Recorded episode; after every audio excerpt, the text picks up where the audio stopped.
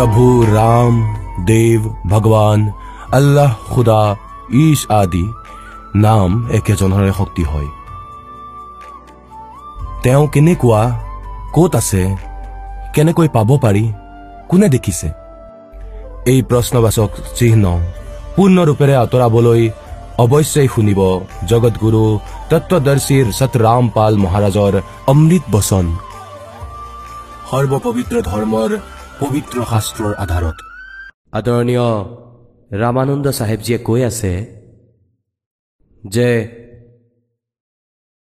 तुम साहेब तुम संत हो तुम सतगुरु तुम हंस गरीब दास तेरे रूप बिना और न दूजा अंश তুমি এই পৰমাত্মা তুম চাহেব তুম সন্ত হো তুমিয়েই ইয়াত সন্তৰ ৰূপত এজন তত্বদৰ্শী সন্তৰ ভূমিকা আপুনিয়েই কৰি আছে আৰু তুম সতগুৰু তুম হংস আপুনিয়েই সৎগুৰু সত্য জ্ঞানদাতা আৰু নাম দিয়াৰ অধিকাৰী আৰু তুম হি হংস হো হংস অৰ্থাৎ এজন ভগতৰ মাজত যিবোৰ গুণ হ'ব লাগে সেয়া কোৱা হয় পৰমাত্মা আপোনাৰ মাজতেই বিদ্যমান আৰু আপোনাৰ অবিহনে আপোনাৰ শক্তি অবিহনে ইয়ে অৰ না দুজা অংশ আপোনাৰ শক্তিৰেই সমগ্ৰ ব্ৰহ্মাণ্ড চলি আছে। আপোনাৰ শক্তিৰেই ইয়াত সকলো প্ৰাণত শক্তি আছে চলা ফুৰা আৰু কোৱাৰ। হে পৰমাত্মা তোমাৰ অবিহনেতো একোৱেই নাই। গতিকে এই প্ৰকাৰে ইয়াত গৰীব দাসজীয়ে কৈ আছে যে সেই চিত্ৰণ যি কৰিছিলে এজ ইট ইজ চলচ্চিত্ৰ চাই গৰীব দাসজীয়ে সকলোবোৰ লিখিছিলে। তেন্তে তেওঁ কৈ আছে যে সেই পৰমাত্মা দহু ঠৰহে এক তু ওপৰৰ সৎলোকত নিজৰ যথাৰ্থ ৰূপত কোটি সূৰ্য মিলোৱা কোটি চন্দ্ৰ। এনেকুৱা ৰূপ হয় ভগৱানৰ। এনেকুৱা এডাল নোমৰ গুৰিৰ শোভা হয়। সাকাৰ হয় ৰোমকূপ হয় সাকাৰ হয় আৰু হাঁহে তেওঁৰ ওপৰত চৱৰেৰে বিচি থাকে। আৰু এই ৰাধা স্বামীসকল ধন ধন সৎগুৰুসকল আৰু এই জয়গুৰুদেৱ পন্থী এওঁলোকে কয় যে সৎলোকত ভগৱান নাই। কেৱল প্ৰকাশেই প্ৰকাশ উজ্জ্বলতাই উজ্জ্বলতা আছে। আত্মা উজ্জ্বলতাত গৈ পৰমাত্মাত এনেদৰে মিলি যায় যেনেদৰে এটা টোপাল সমুদ্ৰত। এয়াতো ডুবি মৰি যোৱাৰ ধৰণৰ কথা। আছে কাৰোবাৰ সাহস ব'লা সমুদ্ৰত। কোনোবাই কয় ইয়াত ভগৱান পোৱা যাব মাৰা যাপ ইয়াত এজনো নাযাব ঠেলা হেঁচা কৰিলেও কোনো নাযাব। এওঁলোকৰ সকলো সিদ্ধান্ত ইয়াত ভুল। এওঁলোকৰ নাম ভুল পাছোতা নাম কালৰ।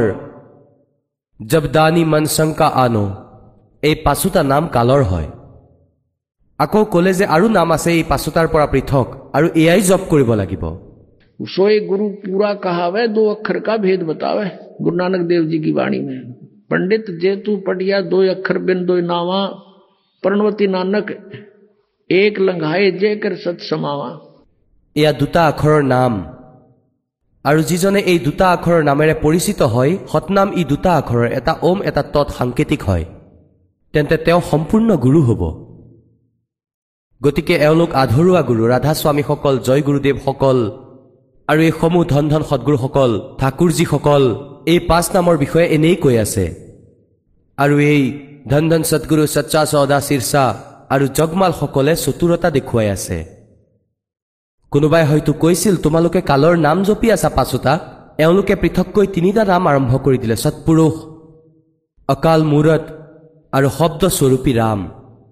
এতিয়া কোৱা এওঁলোকেতো এয়া চতুৰতা দেখালে যে কোনেও নকব যে তুমি কালৰ নাম জপ কৰা কিন্তু এয়া নাম জপ কৰাৰ যোগ্য নহয়। এয়াতো পৰমাত্মাৰ সমাৰ্থক নাম হয় মহিমাৰ। যেনেকৈ অকাল মূৰত যিজন সাকাৰ পৰমাত্মাৰ মূৰত মানে সাকাৰ যাৰ নাশ নহয় কাল নাহে অকাল। অৰ্থাৎ তেওঁ অবিনাশী পৰমাত্মা। আৰু সৎপুৰুষ সতৰ নাশ নহয় পুৰুষ মানে প্ৰভু। গতিকে অবিনাশী পৰমাত্মা সৎপুৰুষ অৰ্থাৎ অবিনাশী পৰমাত্মা। অকাল মূৰতৰ অৰ্থও অবিনাশী পৰমাত্মা। আৰু শব্দস্বৰূপী ৰাম শব্দ খণ্ড নহয় অবিনাশী হয়। ৰাম এই অবিনাশী ৰূপ অবিনাশী পৰমাত্মা আৰু ইয়াৰ অৰ্থও শব্দস্বৰূপী ৰামৰ অৰ্থও অবিনাশী। এতিয়া এয়াতো এনেকুৱা ক্ৰিয়া হয় ধন ধন সদগুৰুসকলৰ সচ্চা চৌদাসকলৰ শীৰ্ষাসকলৰ আৰু জগমালসকলৰ আৰু এক ইয়াত হিচাৰ ওচৰে পাজৰে মস্তানে মুস্তানে কয় নিজেই নিজক। এই সকলোবোৰ এটা কুঁৱাৰেই পানী বুলি মানা। এওঁলোকে এনেকুৱা কৰে গংগুৱাত গংগুৱাৰ মাজতেই আছে এটা মস্তানাৰ গোট। ছশ মস্তানা আকৌ নশ মস্তানা এতিয়া এয়া হাজাৰ মস্তানা হৈ পৰিব। আৰু ক খও নাজানে এওঁলোকে। অকাল মূৰত শব্দস্বৰূপী ৰাম সৎপুৰুষ ইয়াৰ জপ কৰি থাকা। পৰমাত্মাক পাই যাবা। আৰে এয়াতো ভগৱানৰ উপমা হয়। যেনেদৰে জল পানী নীৰ জল পানী নীৰ জল পানী নীৰ এনেকুৱা কৰি থাকা গোটেই জীৱন। না জল পাবা একোৱেই নাপাবা। যাক জল পানী নীৰ বুলি তুমি কোৱা তাক পোৱাৰ প্ৰচেছ বেলেগ হয় প্ৰচিজিয়ৰ বেলেগ হয়। ঢেঁকী আনা মেচিন আনা ঢেঁকী পাইপ আনা আৰু পাছত তাতে সংঘৰ্ষ কৰা সেই প্ৰচিজিয়ৰ। আৰু সেয়া হ'ল সতনামৰ দুই আখৰৰ। সতনামৰ যি জপ হয় এয়া দুটা আখৰৰ। তাৰে এটা হৈছে ওম আৰু এটা হৈছে তৎ গুপ্ত। যিজনৰ সতনাম প্ৰাপ্ত হৈছে তেওঁ বুজি পাব। গতিকে সেই সতনামৰ ঢেঁকী শ্বাস প্ৰশ্বাসেৰে লগাব লাগিব। এতিয়া যেনেকৈ ঢেঁকী লগাই লগাই তললৈ গুচি গ'ল মাটি বাহিৰলৈ পেলাব লাগে পাইপ ভিতৰলৈ গৈয়ে থাকিব। ঢেঁকীৰে মাটি বাহিৰলৈ ওলাই থাকিব আৰু পাইপ গুচি যাব পানীলৈকে। পানীলৈকে পঠিওৱাৰ কাম হৈছে এই দুটা আখৰৰ নামৰ অৰ্থাৎ ঢেঁকী আৰু পাইপৰ। ইয়াৰ পাছত আকৌ সাৰ নাম আছে অৰ্থাৎ সতনামৰ জপেৰে আমি একৈশ ব্ৰহ্মাণ্ড পাৰ কৰিব পাৰোঁ। আৰু সাত শংখ ব্ৰহ্মাণ্ড এই অক্ষৰ পুৰুষৰ পাৰ কৰিব পাৰোঁ। ক্ষৰ পুৰুষ আৰু অক্ষৰ পুৰুষ আৰু তৃতীয়টো হ'ল পৰম অক্ষৰ পুৰুষ।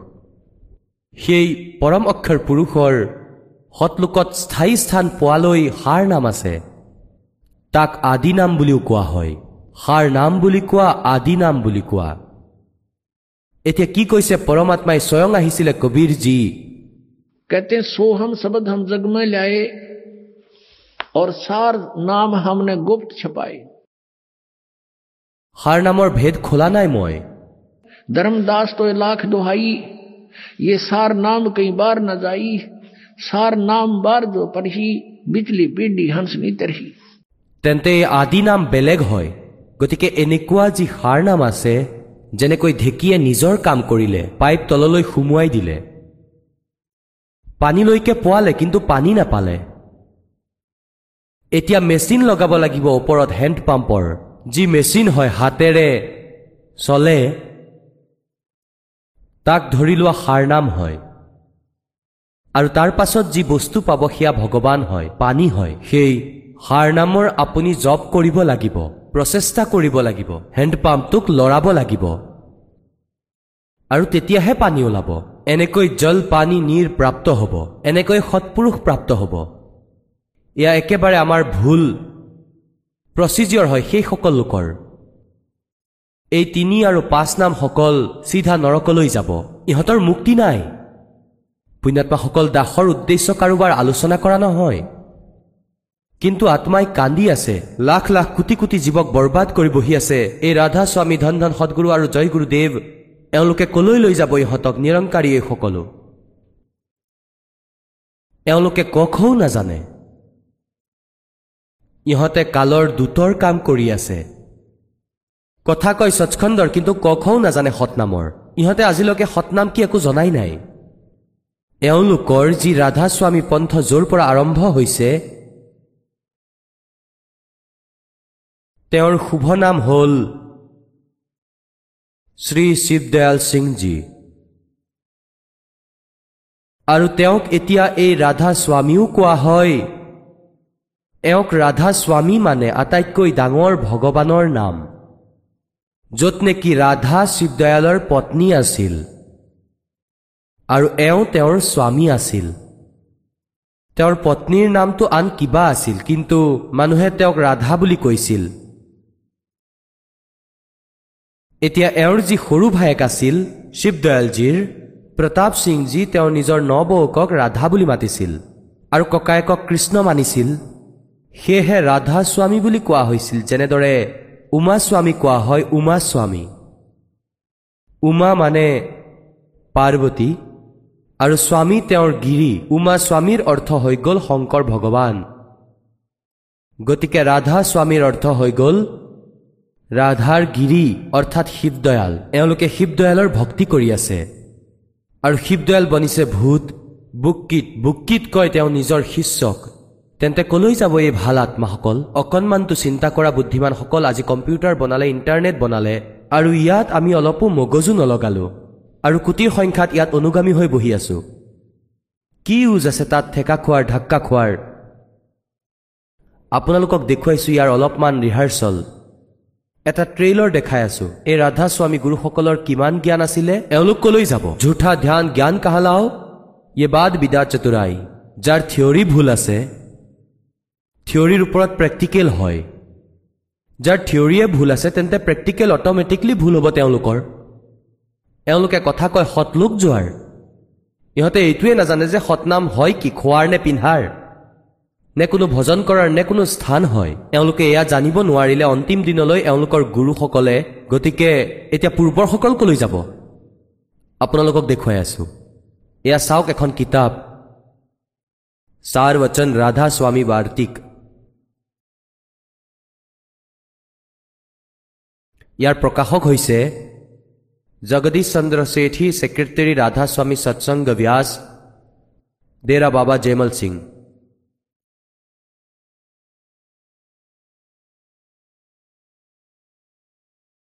printed in India by Lakshmi Offset Printers, Delhi.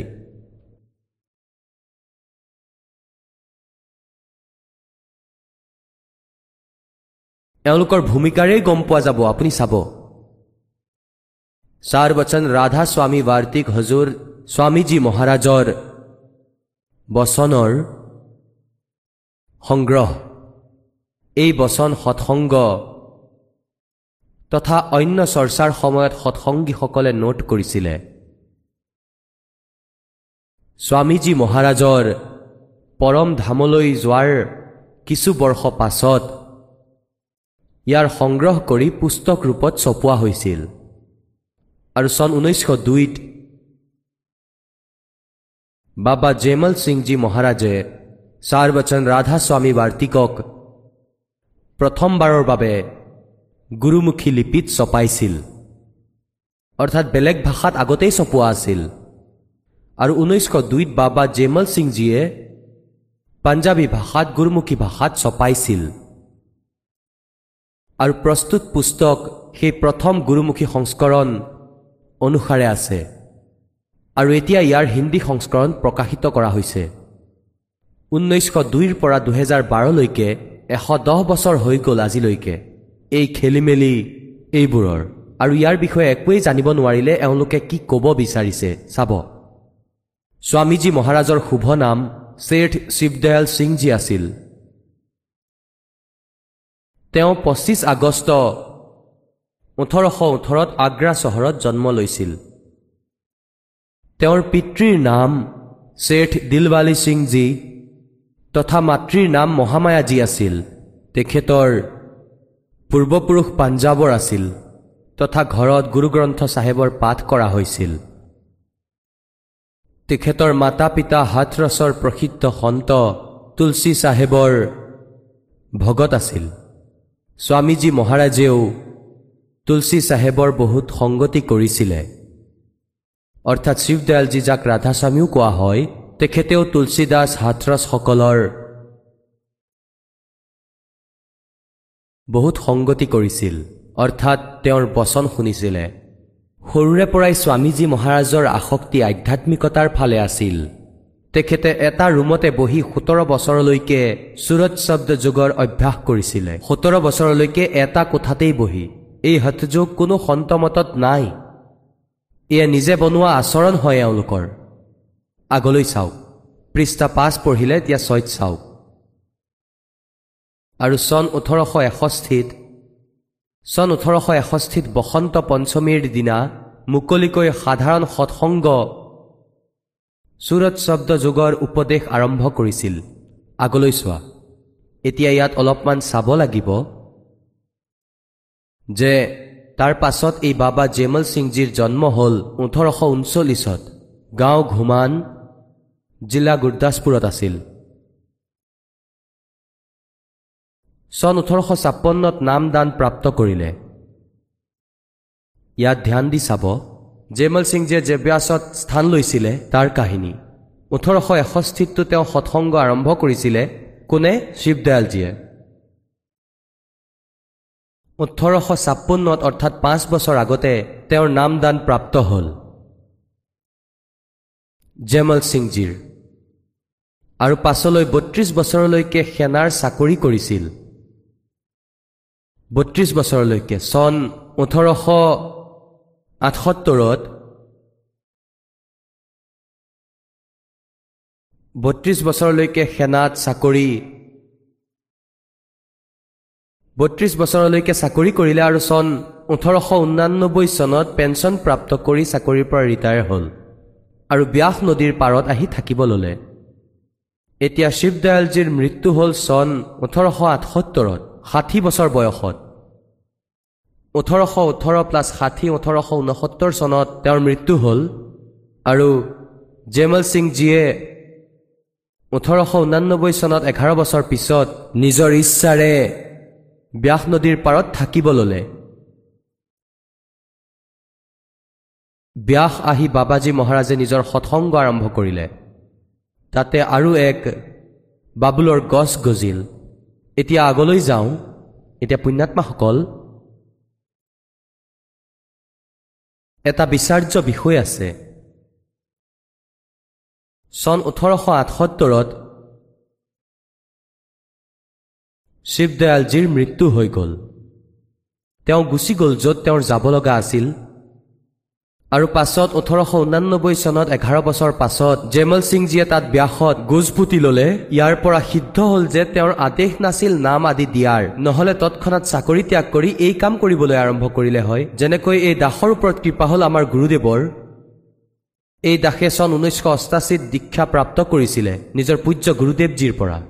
আৰু ঊনৈছশ চৌৰান্নব্বৈত দাসক আদেশ কৰি দিলে যে তুমি উপদেশ দিয়া আৰম্ভ কৰা।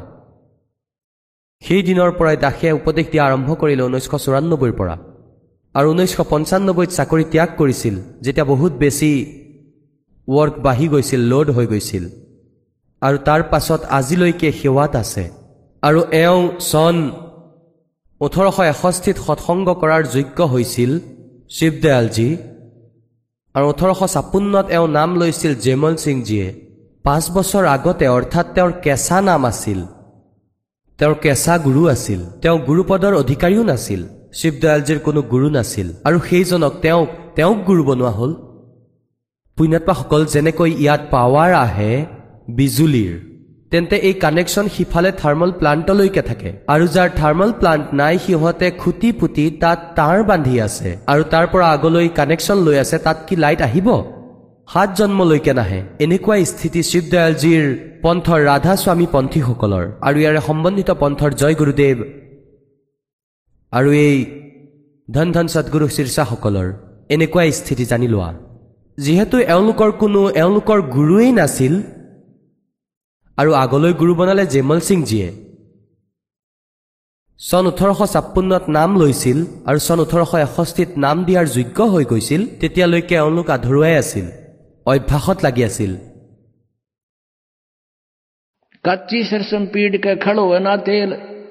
আৰু পাছত ওঠৰশ ঊনানব্বৈত নিজেই নাম দিয়াত লাগি গ'ল মৃত্যু হ'ল ওঠৰশ আঠসত্তৰত শিৱদয়ালজীৰ। যদি এওঁ জয়মল সিংজীয়ে এওঁক নিজৰ গুৰু মানিছিলে। যদি এওঁৰ নাম দিয়াৰ আদেশ আছিল তেন্তে সেইদিনাই আৰম্ভ কৰিব লাগিছিলে। ছাৰ্ভিচো কৰি থাকিলে হয়। গতিকে ইয়াৰে সিদ্ধ হয় যে এয়া একেবাৰে অজ্ঞানীৰ গ্ৰুপ একত্ৰিত হ'ল। সৰল শ্ৰদ্ধালু গৈ ফচি গৈছে। ইহঁতক পৰম ধনী মানি কালৰ জালত বন্দী হৈ আজিলৈকে জীৱন বৰবাদ কৰি আছে। এই দাসৰ উদ্দেশ্য হ'ল যে এওঁলোকৰ পিছ এৰুওৱা আৰু ইয়ালৈ অনা আৰু যথাৰ্থ সৎনাম দিয়া। এতিয়া দেখুৱাইছো এওঁলোকে কিহক সৎনাম কয়। চাব। এইখন সেইখন কিতাপেই। চাৰবচন ৰাধা স্বামী বাৰ্তিক। এইখন আমি পঢ়িম এয়া ভাগ এক হয়। এয়া ভাগ এক হয় আৰু থাকিব আমি চাব লাগিব। ৰাধা স্বামী দয়াল কি দয়া ৰাধা স্বামী সহায় খোলাচা উপদেশ হুজুৰ ৰাধা স্বামী চাহেব কা? এতিয়া ইয়াত এয়া বচন লিখা আছে। শিৱদয়ালজীৰ অমৃত বচন শুনিব। কেৱল কাম ইমান আছে যে ব্যক্তি অৰ্থাৎ মনুষ্যই নিজৰ শৰীৰ অৰ্থাৎ আত্মাক ইয়াৰ পৰম ধাম নিকাচ মানে লক্ষ্যস্থান সতনাম আৰু ৰাধা স্বামীলৈ পঠিওৱা। এই সতনামক মুকাম অৰ্থাৎ স্থানক কৈছে ইয়াত মুকাম বুলি কোৱা হৈছে সতনামক আগলৈ চোৱা ৰাধা স্বামীকো স্থান বুলি কৈছে স্থান। এয়া আপুনি পঢ়িছে তেৰ নম্বৰ পৃষ্ঠা। এতিয়া চৈধ্যত চাওক তালৈ পঠিয়াব। এতিয়া ইয়ালৈ আহিব। এয়া তিনিটা এয়া এওঁলোকৰ গীতাৰ দৰে জ্ঞান হয়। এক দুই তিনি। এক দুই পঢ়িলোঁ এতিয়া তৃতীয়টো চাওক। যিমান আচাৰ্য আৰু মহাত্মা আৰু অৱতাৰ আৰু পৈগম্বৰ হৈছে সকলো জাতি ধৰ্মতে হৈছে সকলোৱে নিজৰ ধ্যানৰ জোৰত অন্তৰৰ ফালে লক্ষ্য আচললৈ গৈছিল। কিন্তু সকলোৱেই শীৰ্ষস্থান নাপালেগৈ কোনো বিৰল সাধু আৰু প্ৰেমী তৃতীয় মহলালৈকে পালেগৈ।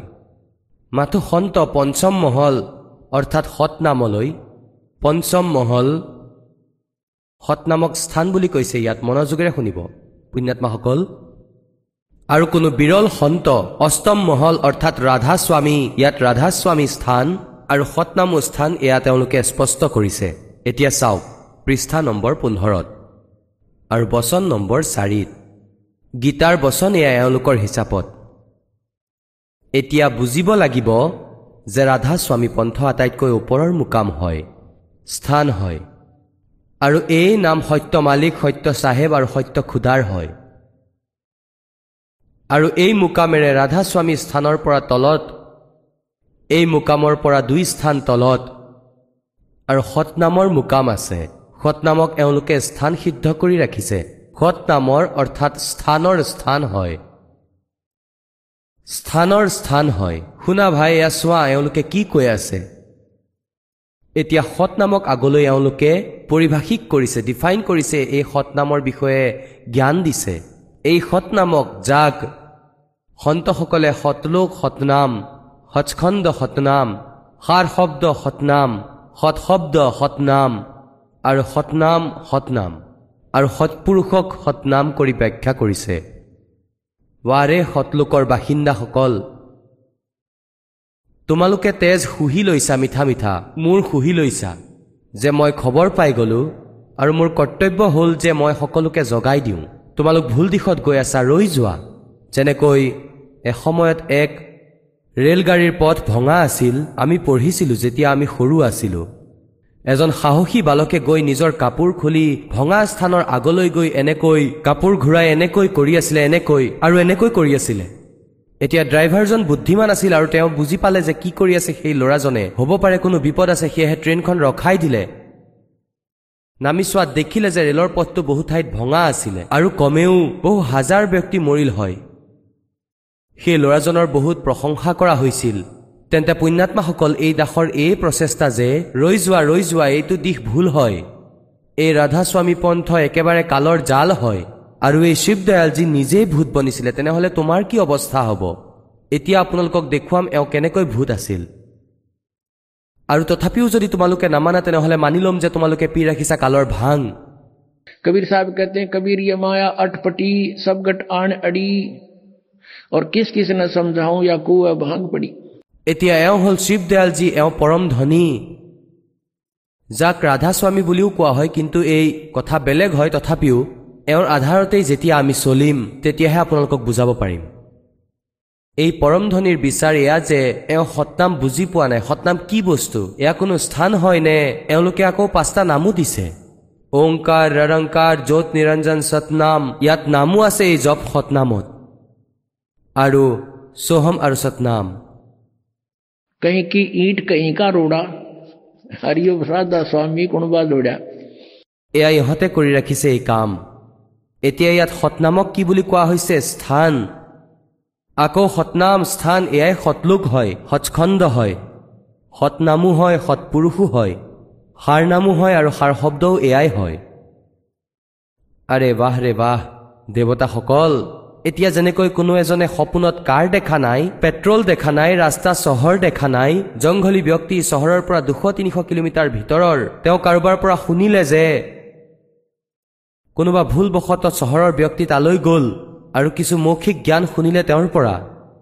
আৰু সি পিছত নিজৰ ঠাইলৈ গৈ এই বুলি কয় যে মই চহৰত ঘূৰি আহিছো ফুৰি আহিছো কাৰত বহি যাওঁ পেট্ৰলেৰে চলে ৰাস্তাত চলে চহৰত।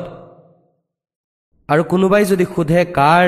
আৰু পেট্ৰল চহৰ ড্ৰাইভাৰ এইবোৰ কেনেকুৱা হয়? তেতিয়া ডিফাইন কৰে যে এতিয়া সেইজনে ডিফাইন কৰিব যি কেতিয়াও দেখাই নাই। যে পেট্ৰলো কাৰকেই কয় ড্ৰাইভাৰো কাৰকেই কোৱা হয় ৰাস্তাও কাৰকেই কোৱা হয় আৰু চহৰো কাৰকেই কোৱা হয়। গতিকে এয়া এয়া হৈছে পৰিভাষা এওঁলোকৰ সৎ নামৰ শিৱদয়ালজীৰ হয় এয়া। এতিয়া আগলৈ দেখুৱাই আছো আপোনালোকক। শ্ৰী জয়মল সিংজী চিধা শিষ্য মানা হৈছিল যেনেকৈ এয়া মানিছিলে যে শিৱদয়ালজীৰ পৰা শিৱদয়ালজীৰ পৰা উপদেশ পাইছিল। আৰু তেওঁ ৰাধা স্বামী ব্যাসত নিজৰ গোজ পুতি স্থাপনা কৰিলে। সেই পাঁচ নাম। তেওঁৰ উত্তৰাধিকাৰী হ'ল শ্ৰী সাৱন্ত সিংজী এতিয়া সেই শিৱদয়ালসকলৰ কুঁৱাৰ পানীয়েই জয়মল সিঙতো আছিল। জয়মল সিংজীৰ পৰা সেয়াই পানী সেয়াই বিচাৰ সাৱন্ত সিংজীলৈ আহিল। আৰু সাৱন্ত সিংজীৰ শিষ্য বনিল। শ্ৰী বিলুচিস্তানী শ্বাহ মস্তানা শ্ৰী খেমামলজী শ্ৰী খেমামলজী যিজনে সচ্চা চৌদা শীৰ্ষাত পৃথককৈ গোজপুতি স্থাপন কৰিছিল কিয়নো তেওঁক আদেশ দিয়া নাছিল সাৱন্ত সিংজীয়ে নাম দিয়াৰ। সেই সময়ত এওঁলোক দুজন অধিকাৰী হৈ পৰিছিল এজন কৃপাল সিংজী আৰু এজন এই খেমামল সিংজী এই দুয়োজনৰ মাজত লাগি গ'ল। আৰু সাৱন্ত সিংজীয়ে জগত সিংজীক এজন চৰ্দাৰজীক নিজৰ উত্তৰাধিকাৰী বনালে। দুয়ো বাইপাছ কৰি দিলে। গতিকে এজনেতো ইয়ালৈ আহি বনাই ল'লে সচ্চা চৌদা শীৰ্ষাত খেমামল সিংজীয়ে আৰু আনজন কৃপাল সিঙে দিল্লীত নিজৰ গোজ পুতি ল'লে নিজ ইচ্ছাৰ। আৰু পাছত কৃপাল সিঙৰ পৰা এজন ঠাকুৰ সিঙে বাগী হৈ গ'ল কিয়নো তেওঁ ৰাজেন্দ্ৰ সিঙক দি দিছিলে সিংহাসন। হয়তো সেয়া ঠাকুৰ সিং আছিল। গোজ পুতি ল'লে বেলেগকৈ আৰম্ভ কৰি দিলে। আগ্ৰাৰ পৰা এটা পন্থ ওলাইছিলে। জয় গুৰুদেৱ পন্থ মথুৰাত। সেই জয় গুৰুদেৱ পন্থীসকলো মানি লোৱা সেই একে কুঁৱাৰেই পানী হয় শিৱদয়ালজীসকলৰ দৰে। আৰু তেওঁ পাঁচটা নাম দিয়ে কালৰ সেই পাঁচোটা নাম। তুলসীদাস হাথৰছৰসকলে কয় পাঁচটা নাম কালৰ জানি লোৱা। এই পাঁচোটা কালৰ জপ হয়। এওঁলোকৰ ঘট ৰামায়ণত দেখুৱাম আপোনালোকক। এতিয়া আপোনালোকক দেখুৱাইছো ইহঁতৰ সতনামো বুজি পোৱা নাযায়। শ্ৰাৱন্ত সিংজীয়ে সতনামক কেনেকৈ ডিফাইন কৰিছিলে এয়া চাওক। এতিয়া এওঁ স্বয়ং স্বীকাৰ কৰে শ্ৰী শ্ৰাৱন্ত সিংজীয়ে দো অক্ষৰ কা ভেদ বতাৱে চৈ গুৰু পুৰা কাহাৱে। এয়া ক'ৰ পৰা? যে গুৰু গ্ৰন্থ চাহেবত এনেকৈ লিখা আছে নিজেই মানে যে দো অক্ষৰ কা ভেদ বতাৱে আৰু চৈ গুৰু পুৰা কাহাৱে। তেন্তে এই দুই আখৰ না জয় গুৰুদেৱ পন্থীসকলৰ লগত। আৰু এওঁ কয় যে এই দুই আখৰ যেনেকৈ কোনোবাই প্ৰশ্ন কৰে তেওঁলোকক যে এয়া দুটা আখৰ হয় ইয়াৰ সাধনা কৰিব লাগেনে নাই? এওঁলোকে কয় যে নহয়। জপ কৰিবলৈ নহয়। এওঁলোকে কয় এয়া জপ কৰিবলৈ নহয়। ইয়াৰ সাধনা কৰিব লাগে। নামৰে অৰ্থ বুজা নাই সাধনা কি কৰিবা?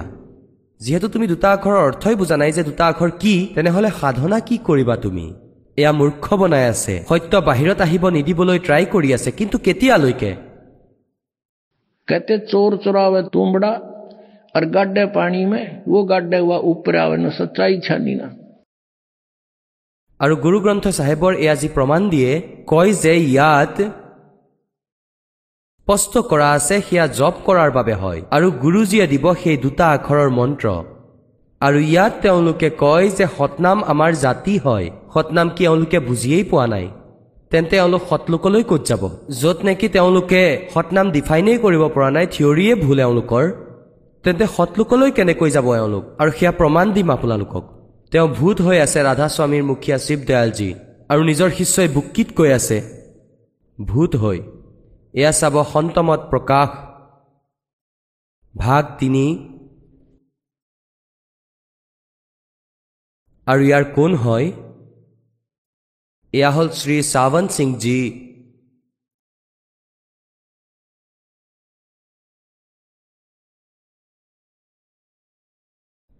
শ্ৰী চাৱন্ত সিংজী মহাৰাজ।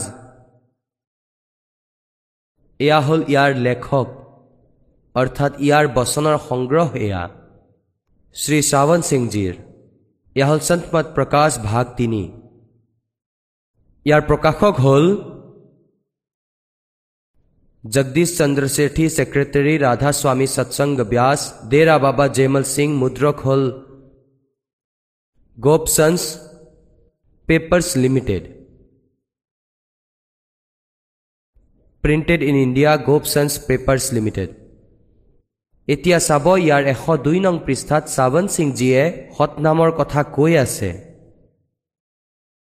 যে এয়া চতুৰ্থ লোক হয় সন্তমত প্ৰকাশ ভাগ তিন আৰু এশ দুই নং পৃষ্ঠাত। ইয়াত চাওক। সচখণ্ড বা সতনাম চতুৰ্থ লোক হয়।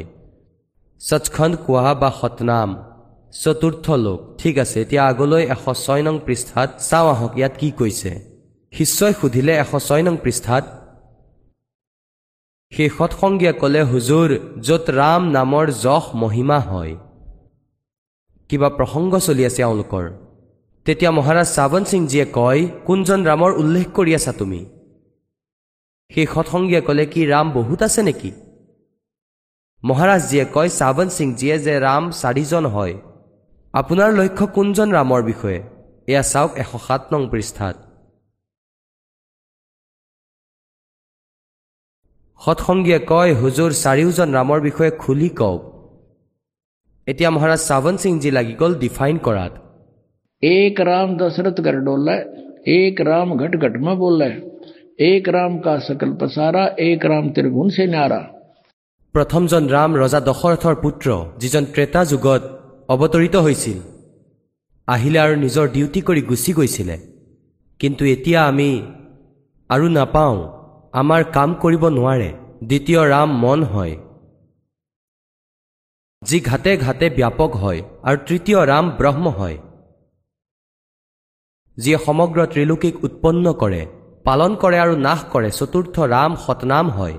ৱা ৰে দেৱতা! চতুৰ্থ নাম সতনাম হয়। তাততো সতনাম সচখণ্ড আছিল। সতনাম সতলোক সাৰ নাম সৎশব্দ সৎপুৰুষ আৰু ইয়াত কয় চতুৰ্থ ৰাম সতনাম আৰু এয়াই আচল ৰাম হয়।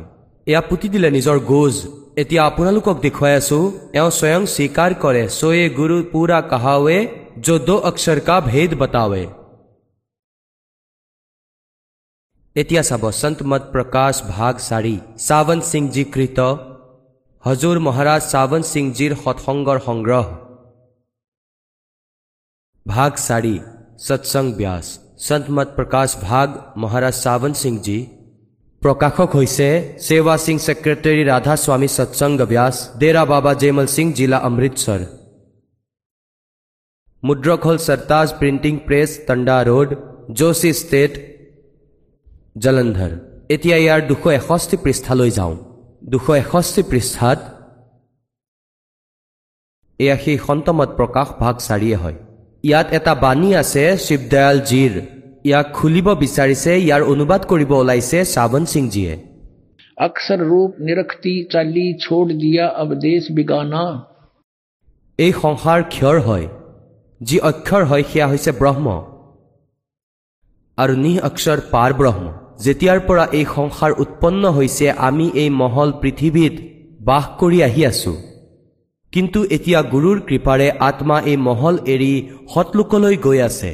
এতিয়া গুৰু গ্ৰন্থ চাহেবত বহুত ব্যাপক আৰু গুপ্ত ৰহস্য আছে এক স্থানত আহে बावन अक्षर लोक त्रय सब है कुछ इनके माही ये अक्षर खिर जाएंगे वो अक्षर इनमें नाही গুৰু গ্ৰন্থ চাহেবৰ তিনিশ চল্লিছ পৃষ্ঠাত এয়া এওঁলোকে ডিফাইন কৰিছে আকৌ আগলৈ কি আছে গুৰু গ্ৰন্থ চাহেবত এঘাৰশ এসত্তৰ পৃষ্ঠাত ইয়াত কোৱা হৈছে আৰু কিছু আছে ইয়াৰ বিষয়ে গুৰু গ্ৰন্থ চাহেবত লিখা আছে বাৱন্ন আখৰেৰে পৃথকৰ বিষয়ে सोई गुरु पूरा कहावे दो अक्षर का भेद बतावे एक छुड़ावे एक लखावे तो प्राणी निज घर को पावे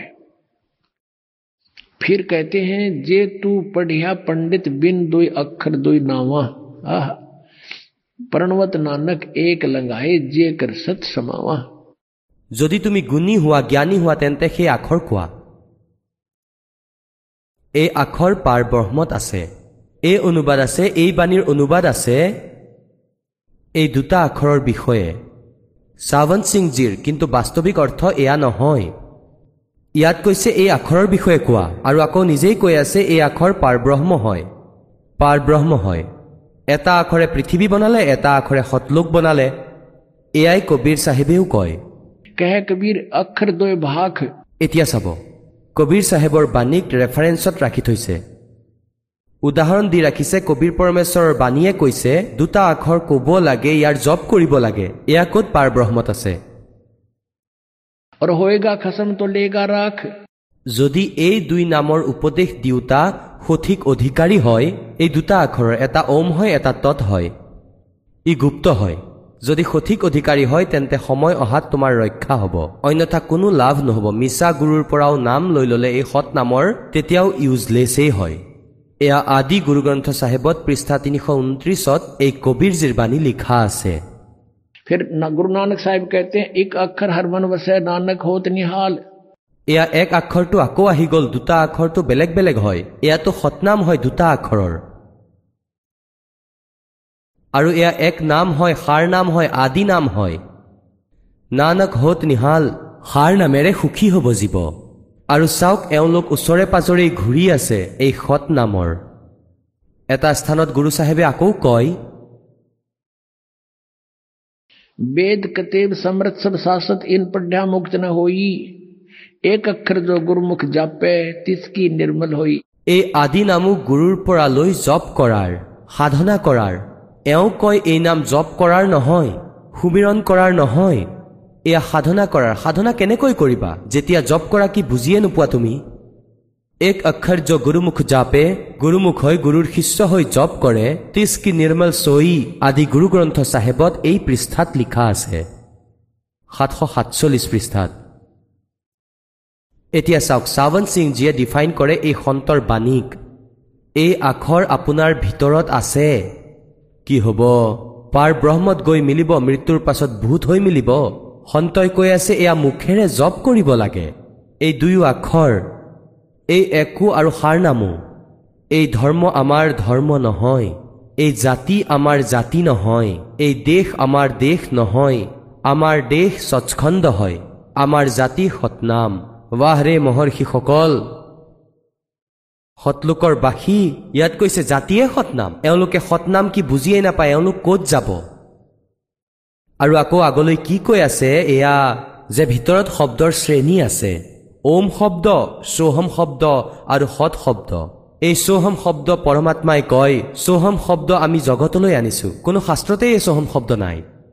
এই যি আখৰ আছে দুই আখৰ আছে কোনো শাস্ত্ৰতেই নাই এই চৌহম এক আখৰটো এইটো আৰু দ্বিতীয়টো হৈছে আদি নাম। কয় যে এই দুয়ো কোনো কিতাপত পোৱা নাযায় ওমটো পাবা।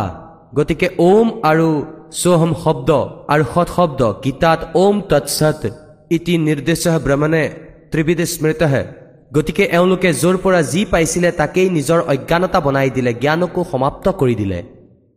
আত্মাশ্ৰেণী অনুসৰি নিজৰ প্ৰকৃত উদ্দেশ্য ভাৱ আচল দেশলৈ গৈ আছে। এতিয়া পুণ্যাত্মাসকল যিসকলৰ জ্ঞানেই জিৰ' হয় যাৰ থিয়ৰিয়েই বেছলেছ হয় নিৰাধাৰ হয় তেনেহ'লে তেওঁলোকৰ প্ৰেক্টিকেল কি হ'ব?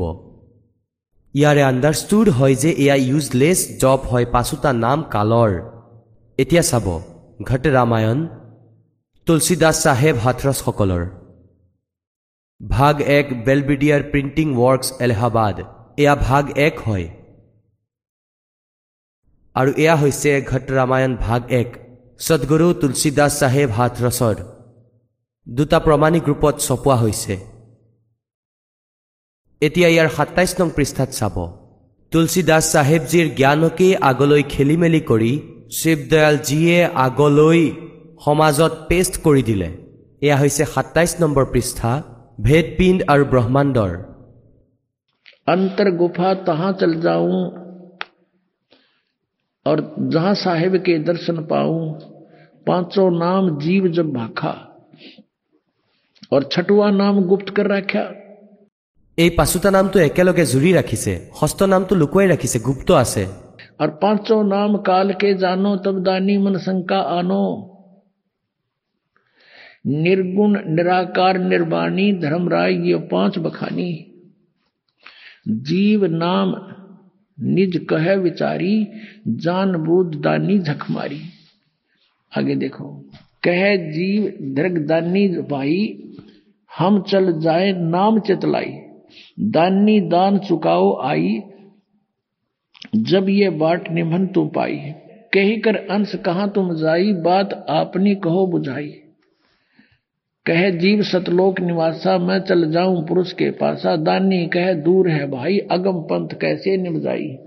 कौन नाम मार्ग जो को जाई, कौन नाम से उभरे आई? इतना भेद कहो समझावा, बाट जीव जब घर की पावा। अब जीव वचन, दानी सुनो, विधि बात हमारी। हम चले जाऊँ पुरुष दरबारी। सुरत नृत ले लोक सिधाऊं, आदि नाम ले काल गिराऊं। আৰু সতনাম লে জীৱ উবাৰী অচল যাওঁ পুৰুষ দুৰবাৰী এতিয়া এই সতনাম আৰু এই আদি নাম এই দুয়ো পৃথক নাম হয়। এয়া দুই আখৰৰ নাম হয় এটা ওম হয় আৰু এটা গুপ্ত হয় দাসে ক'ব। এই সতনাম দুটা আখৰৰ হয়। আৰু এই আদি নাম এয়া সাৰ নাম হয়। এই তিনিওটাৰে জপ কৰিব লাগিব। এই সতনামৰো দুটা আখৰৰ এই আদি নামৰো জপেই কৰিব লাগিব। যেনেকৈ আপুনি গুৰু গ্ৰন্থ চাহেবত পঢ়িছে। কে এক নাম গুৰুমুখ জাপে নানক হোত নিহাল এয়াও জপ কৰিব লাগিব। এওঁলোকে কৈছে নহয় সাধনাহে কৰিব লাগে জপ কৰিব নালাগে। আৰু এই ৰাধা স্বামী পন্থ ধন ধন সৎগুৰু পন্থ এয়া একেটা কুঁৱাৰেই পানী হয় জয় গুৰুদেৱ পন্থ মথুৰাৰসকল। এখন কিতাপ আছে সচখন কিচাৰক আৰু এয়া প্ৰকাশিত হৈছে সচ্চা চদা শীৰ্ষাৰ পৰা। সতনাম সিংজী যিজন আসনৰ দ্বিতীয় অধিকাৰী তেওঁৰ কৰ কমলৰ পৰা। আৰু এওঁ সেই একেটা কুঁৱাৰেই পানী আপোনালোকক দেখুৱাই আছো। অলপমান বেলেগ কৰি দিয়া হৈছে চালে বুজি পাব। এয়া চাব সচখন কিচৰক এতিয়া নামটোহে কিতাপৰ। বাহ এনেকুৱা যেনেকৈ কেৱল মেটেল ৰোড হয় ইয়াত উঠিলে আৰু গ'ল সৎ লোকলৈ। আৰু ইয়াত ক খও নাই চাব। এই কিতাপৰ নামততো মানুহ কাটি মাৰি মৰি যাব। এনেদৰেই ভগৱানক পাব পাৰি প্ৰথম ভাগ दासन दास हजूर মহাৰাজ সতনাম সিংজী ডেৰা সচ্চা সৌদা শীৰ্ষা হাৰিয়ানাৰ পৰা ছপা হৈছে এয়া সেয়াই ধন ধন সদগুৰু তেৰাহি আশ্ৰা প্ৰথম ভাগ ইয়াৰ মুদ্ৰক হ'ল ইন্দ্ৰসেন প্ৰবন্ধক परमार्थ उपदेश प्रिंटिंग प्रेस डेरा सच्चा सौदा सतनाम शाह सतनाम सिंह जी मार्ग চিৰচা হাৰিয়ানা ফোন নম্বৰ এইটো। ইয়াৰ দুশ ছাব্বিছ পৃষ্ঠালৈ আপোনালোকক লৈ যাওঁ। এয়া হৈছে দুশ ছাব্বিছ পৃষ্ঠা সচখন কি চৰক আৰু এয়া অলখ অনামী আয়া চাৰে দেশ ছোড়কে জি ছোড়কে। আগলৈ চাওক ইয়াৰ অনুবাদ কৰাৰ সময়ত এওঁলোকে লিখিছে অলখ অনামী আয়াৰে চাৰে দেশ ছোড়কে জি ছোড়কে। ত্ৰিলোকী স্থূল সূক্ষ্ম আৰু কাৰণ। এয়া ত্ৰিলোকী এওঁলোকৰ। বাকী গোটেই ৰচনা কাল নিৰঞ্জনে কৰিছে। সন্তৰ দেশ সৎখণ্ড বা সৎলোক হয়। আৰু সেয়াই সৎপুৰুষ বা আদিপুৰুষৰ স্থান। ইয়াত কোৱা হৈছে সৎপুৰুষ বা আদিপুৰুষৰ সেয়াই স্থান হয়। আৰু তেওঁ অজৰ অমৰ অবিনাশী। আৰু সদায় এক ৰস হয়। তাত চেতনতাই চেতনতা আছে। আৰু প্ৰকাশেই প্ৰকাশ আছে। তাত কোনো ভগৱান নাই বাস্তৱত। তললৈ পিণ্ডলৈকে কুল ৰচনাৰ আদি আৰু অন্ত সেয়াই। আৰু ইয়াকেই সৎলোকক এতিয়া এয়া যি আছে সন্তৰ দেশ সৎলোক হয় সচখণ্ড বা সৎলোক আৰু এয়াই সৎপুৰুষৰ স্থান ইমানলৈকেতো ঠিকেই লিখিছিলে শুনিছিলে হয়তো পাঁচ ছয়দিন ভালদৰে সেইবাবে লিখি দিলে। তাকেই সৎলোকক সচখণ্ডক তাকেই সৎশব্দ আৰু সাৰ শব্দ বুলি কোৱা হয়। কি হ'ব? এয়া সকলো একেটা কোৱাৰেই পানী হয়। কয় যে এয়া সতলোক হয়। সন্তৰ দেশ সতলোক বা সচখণ্ড হয় আৰু সেয়াই সৎপুৰুষ বা আদিপুৰুষৰ স্থান হয়। আৰু তেওঁ অজৰ অমৰ হয় চেতনতাই চেতনতা আছে প্ৰকাশেই প্ৰকাশ আছে। তাত একোৱেই নাই আৰু তাকেই এই সৎলোকক সতনাম সৎনাম সৎশব্দ আৰু সাৰ শব্দ বুলি কোৱা হয়। এতিয়া আপোনালোকে বুজি পালে যে একেটা কুঁৱাৰেই পানী হয়। এই জয়গুৰু দেৱ পন্থ এই সচ্চা চদা ধন ধন সদগুৰু শীৰ্ষা আৰু জগমালসকল। আৰু এই গংগাৰ মাজত ছশ মস্তানা এওঁলোকো ইয়াৰ পৰাই ওলাইছে। আৰু এই কৃপাল সিংজীৰ মিছন আছে যি দিল্লীত। আৰু লগতে এই জেমল সিংজীয়ে চলাইছে ব্যাসৰ পৰা আগ্ৰাৰ পৰা এই সকলোবোৰ একেটা কুঁৱাৰেই পানী হয়। সেই একেই পানী একেই জ্ঞান যি আপোনালোকক কোৱা হৈ আছে। এতিয়া এওঁলোকে কৈ আছে যে সৎ লোকত প্ৰকাশেই প্ৰকাশ আছে নূৰেই নূৰ আছে তাত সৎপুৰুষ নাই। আৰু আত্মা যেতিয়া তালৈ যায় তেতিয়া এনেকৈ মিলি যায় যেনেকৈ এটা টোপাল সমুদ্ৰত অৰ্থাৎ যেনেকৈ ডুবি মৰি যোৱাৰ দৰে কথা। গতিকে পুণ্যাত্মাসকল প্ৰথমতেতো ইয়াত কাৰোৰে ইণ্টাৰেষ্ট নাই যে তাত ডুবি মৰি যোৱা তাত একৰহ হৈ যোৱা। এয়া হৈছে প্ৰত্যক্ষ উদাহৰণ যে কোনোবাই যদি কয় সমুদ্ৰত ভগৱান আছে যোৱা জাপ মাৰা কিমান মৰিব এক আধা সহজ সৰল বিনা সংশয়েৰে যাব। নহলে বুদ্ধিমান ব্যক্তিয়ে ক'ব যে বাহ ভাই ভগৱানকতো কোৱা হয় দৰ্শন কৰা হয়। তেওঁৰ এডাল নোমৰ গুৰিত কোটি সূৰ্য কোটি চন্দ্ৰ মিনালে সিমান পোহৰ। পৰমাত্মাৰ বাণীততো তেনেকৈ লিখা আছে কবীৰজীৰ বাণীত আৰু তালৈ গ'লে হংস আত্মাই ভগৱানৰ চাৰিওফালে চহৰেৰে বিচি থাকে। নিৰাকাৰ যদি কেনেকৈ কৰিব? আৰু আকৌ কয় যে এটা সময়ত চাৱন্ত সিংজীয়ে কথা শুনাইছিল যে এক ইন্দ্ৰমতী নামৰ ৰাণী আছিল আৰু কবীৰ চাহেবৰ সময়ত আছিল। এনেতো এওঁলোকে নাজানে কেতিয়া হৈছিল কেতিয়া পৰমাত্মা আহিছিলে। তথাপিও এওঁলোকে যেনেকৈ যা যোগাৰ কৰি যি জ্ঞান দিছিলে সেই জ্ঞান বুজে। আৰু ৰাণী ইন্দ্ৰমতী কবীৰ চাহেবৰ শিষ্যা আছিল। কবীৰ চাহেবটো প্ৰথমতেই গৈ সমুদ্ৰত লীন হৈ গৈছিল সেই সৎপুৰুষত। আৰু পিছত যেতিয়া ইন্দ্ৰমতী ৰাণী গৈছিল তেতিয়া তেওঁ কি কয় যেতিয়া ডুবি মৰিব গৈছিল পিছে পিছে তেতিয়া কি দেখিলে? কবীৰ চাহেবৰ পদবী দেখিলে। আৰু দেখিলে তেওঁ সৎপুৰুষ হয়। তেতিয়া তাতে ইন্দ্ৰমতী ৰাণীয়ে কয় যে হে ভগৱান আপুনিতো সঁচাকৈ অকাল মূৰত হয়। আপুনিতো সৎপুৰুষ হয়। আৰু যদি মই আগতে গম পালো হয় তেতিয়া কি মই আপোনাৰ সেৱা নকৰিলো হয়? এতিয়া চাওক এওঁলোকৰ বিবেক।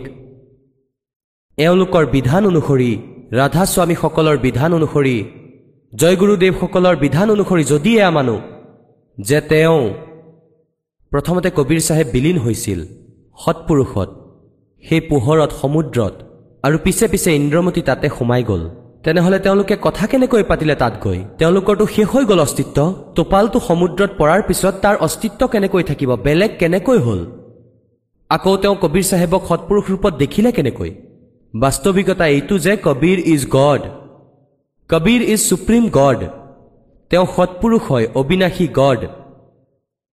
আৰু তেওঁৰ তাত পৰমাত্মাৰ নিজৰ কোটি সূৰ্য কোটি চন্দ্ৰ মিলাই দিয়া ইমান পোহৰ এডাল নোমৰ গুৰিৰ তেনেকুৱা ৰূপ মালিকৰ। আৰু তালৈ গৈ ইন্দ্ৰমতীয়ে দেখিলে আৰু ক'লে পৰমাত্মা আপুনিতো সঁচাকৈ সৎপুৰুষ আছিল। আমাৰ বুদ্ধিয়ে ইমান কাম কৰা নাছিল নহলে মই আপোনাক চিনি পালো হয়। বাস্তৱিকতাটো এয়া সত্য হয় কিন্তু এওঁলোকৰ থিয়ৰী ভুল। যে কবীৰ চাহেব তাত প্ৰথমে লীন হৈ গ'ল পিছে পিছে ইন্দ্ৰমতীও লীন হৈ গ'ল। তেনেহলে কওক তেওঁলোকে কথা কেনেকৈ পাতিব? এয়া এওঁলোকৰ অজ্ঞানতা আৰু কোটি কোটি অনুগামী ইহঁতৰ নকলিসকলৰ পিছে পিছে লাগি আছে। ইহঁতক পৰম ধনী মানি। কাৰণ শ্ৰদ্ধালুসকলৰ শ্ৰদ্ধা সেয়াই হয় যে গুৰুজীয়ে যি কৈছে সেয়া সঠিক। ইয়াৰ দুৰ্ব্যৱহাৰ কৰিলে এই নকলিসকলে। এওঁলোকক শেষ কৰি পেলালে সৰল আত্মাসকলৰ জীৱন নষ্ট কৰিলে। এতিয়া চাব। চাৱন্ত সিংজীৰ বচন সন্তমত প্ৰকাশ ভাগ চাৰি ইয়াৰেই দুশ চৌষষ্ঠি পৃষ্ঠাত লিখা আছে। দুশ চৌষষ্ঠি পৃষ্ঠাত চাওক। দুশ চৌষষ্ঠি পৃষ্ঠা সন্তমত প্ৰকাশ ভাগ চাৰি এজন সৎসংগীয়ে চাৱন্ত সিংজীক সুধিলে চাৱন্ত সিংজী কোন হয়? এওঁ হ'ল সচ্চা চৌদা খেমা মল সিংজী শ্বাহ মস্তানা বিলোচিস্তানীৰ গুৰুজী। এওঁ চাৱন্ত সিংজী? তেওঁক প্ৰশ্ন কৰিলে সৎসংগীয়ে যে হুজুৰ সন্তৰ পদবী কলৈকে আছে। মহাৰাজ চাৱন্ত সিংজীয়ে উত্তৰ দিলে আমাৰ ইমান বুদ্ধি আৰু বিবেক নাই যে আমি সন্তৰ পদবীক বুজিব পাৰিম হলেও শুনা। ৰাণী ইন্দুমতী কবীৰ চাহেবৰ সময়ত হৈছিল। প্ৰথমে কবীৰ চাহেব মালিকত গৈ বিলীন হ'ল। চাব পিছত ৰাণী হ'ল। যেতিয়া ৰাণীয়ে সচখণ্ডত গৈ কবীৰ চাহেবৰ পদবী দেখিলে তেতিয়া ক'ব ধৰিলে মহাৰাজ আপুনি যদি আগতেই ক'লে হয় যে মই অকাল পুৰুষ তেনেহ'লে মই ভজন সুমিৰণ কৰি ব্যৰ্থ চিন্তা নকৰিলো হয়। কবিৰ চাহেবে উত্তৰ দিলে তেতিয়া তোমাৰ বিশ্বাস আহিবলগীয়া নাছিল।